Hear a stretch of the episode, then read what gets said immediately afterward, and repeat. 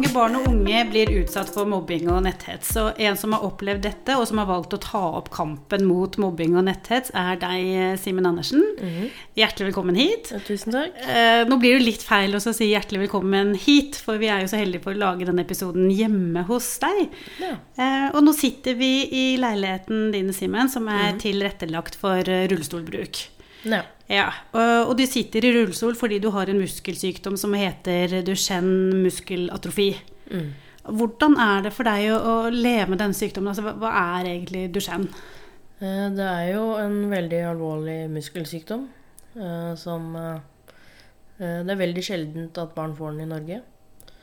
Og jeg fikk jo den, da. Og jeg har jo levd med den i 21 år. Snart 22 år. Eh, Men eh, jeg føler jo ikke at jeg har en sykdom sånn egentlig. Jeg er blitt så vant til å leve med det at jeg tenker ikke over det engang. Nei. Og rullestolen jeg har, det blir, er liksom en del av meg, på en måte. Så jeg tenker ikke på at jeg har en sykdom, liksom. Men eh, det er jo Det er jo litt annerledes å leve med en sånn sykdom. Det, man føler seg litt annerledes og sånn, men jeg klarer liksom å tenke at jeg er normal, egentlig. Mm. Det føles sånn ut for min del, i hvert fall. Så bra. Mm. Men Simen, jeg tenker vi må starte litt fra, eh, fra begynnelsen. I i 2014 så eh, startet du og broren din Daniel en YouTube-kanal.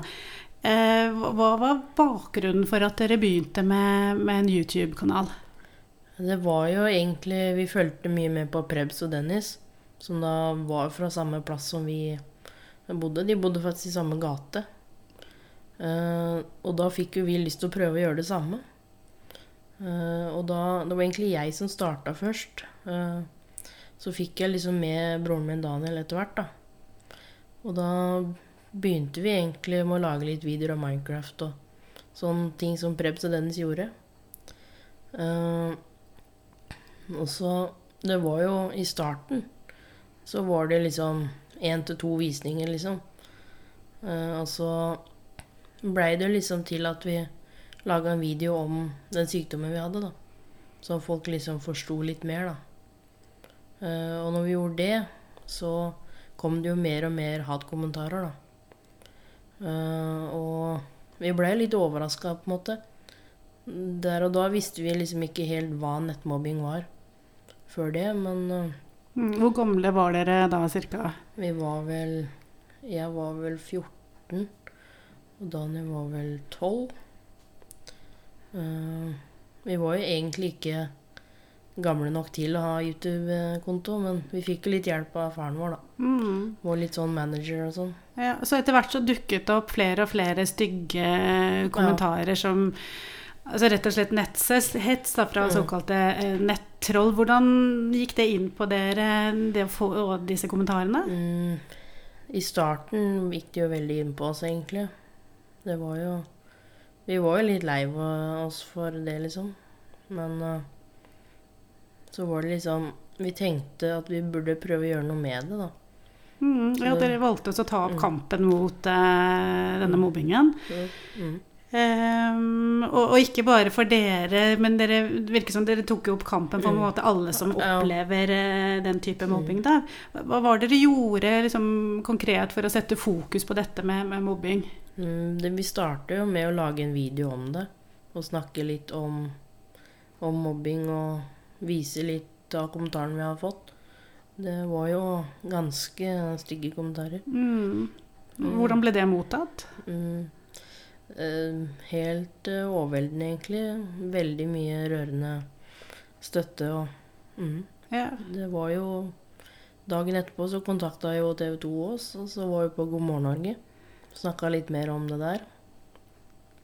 Mm, så det blei jo veldig godt mottatt, og folk er jo enig i oss, på en måte. ja. Det er jo mm, mange som sliter med mobbing og Var det mange som ble mobbet selv, som tok kontakt med dere også, eller som delte Ja. sine historier? Ja. Det var mange som eh, Det var til og med noen som sa vi redda livet deres Ja. ved å gjøre det. ja, det er sterkt. Ja. mm, det betyr veldig mye.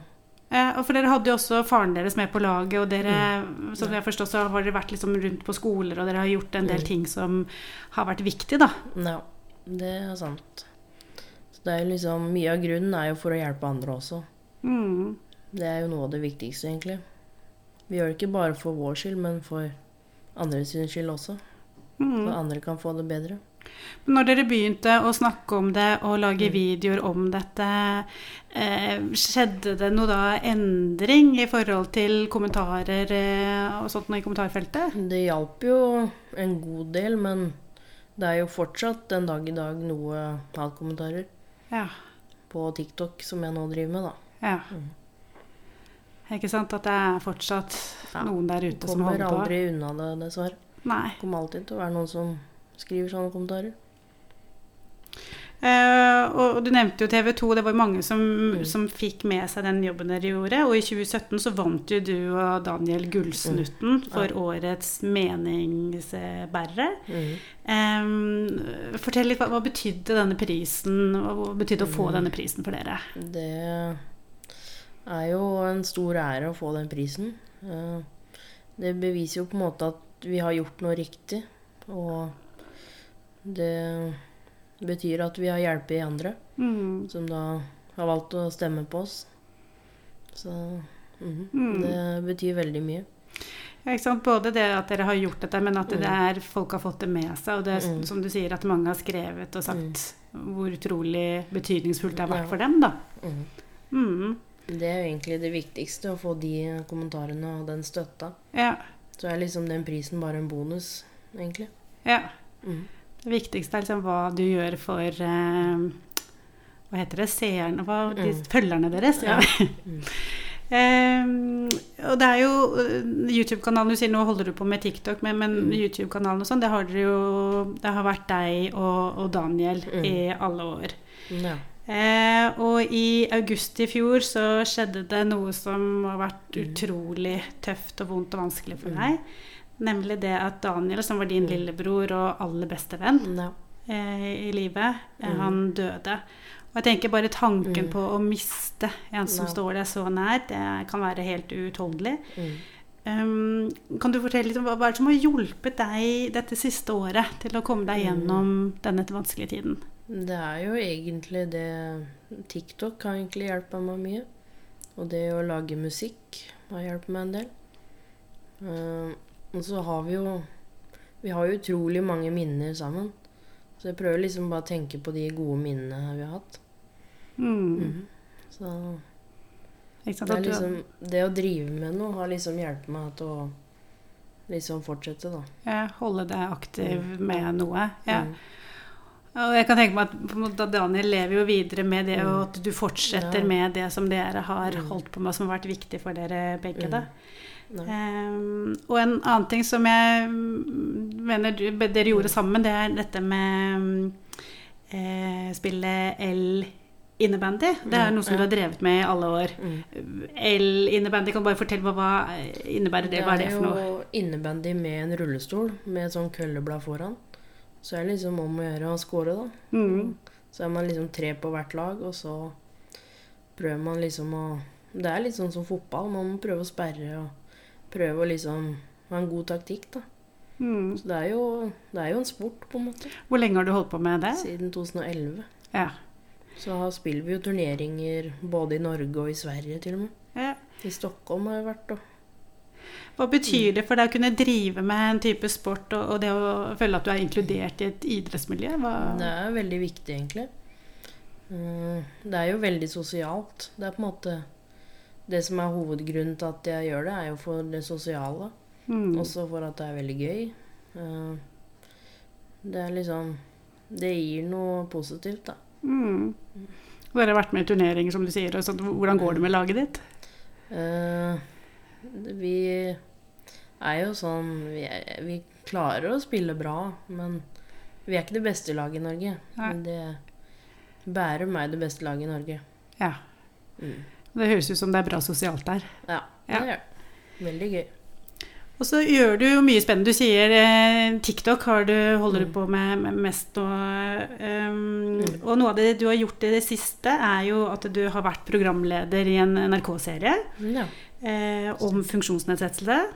Mm. Eh, Og i serien så er det bl.a. fokus på dette med noe som heter universell utforming. Aller først må, tror jeg du må ta lytteren gjennom hva, hva betyr universell utforming. Eh, Det betyr jo at uh, ting skal være liksom likt for alle, på en måte. Det, er, det skal være tilgjengelig for alle å komme inn overalt, egentlig. Det er jo Mm. både på nett og liksom fysisk. Mm. Sånn, hvis er liksom trapper en plass, så kommer jo ikke mm, jeg i rullestol inn der, eksempel. Mm. Uansett hva slags funksjonsnedsettelse man har, Ja, ja. nedsatt syn eller hva det er.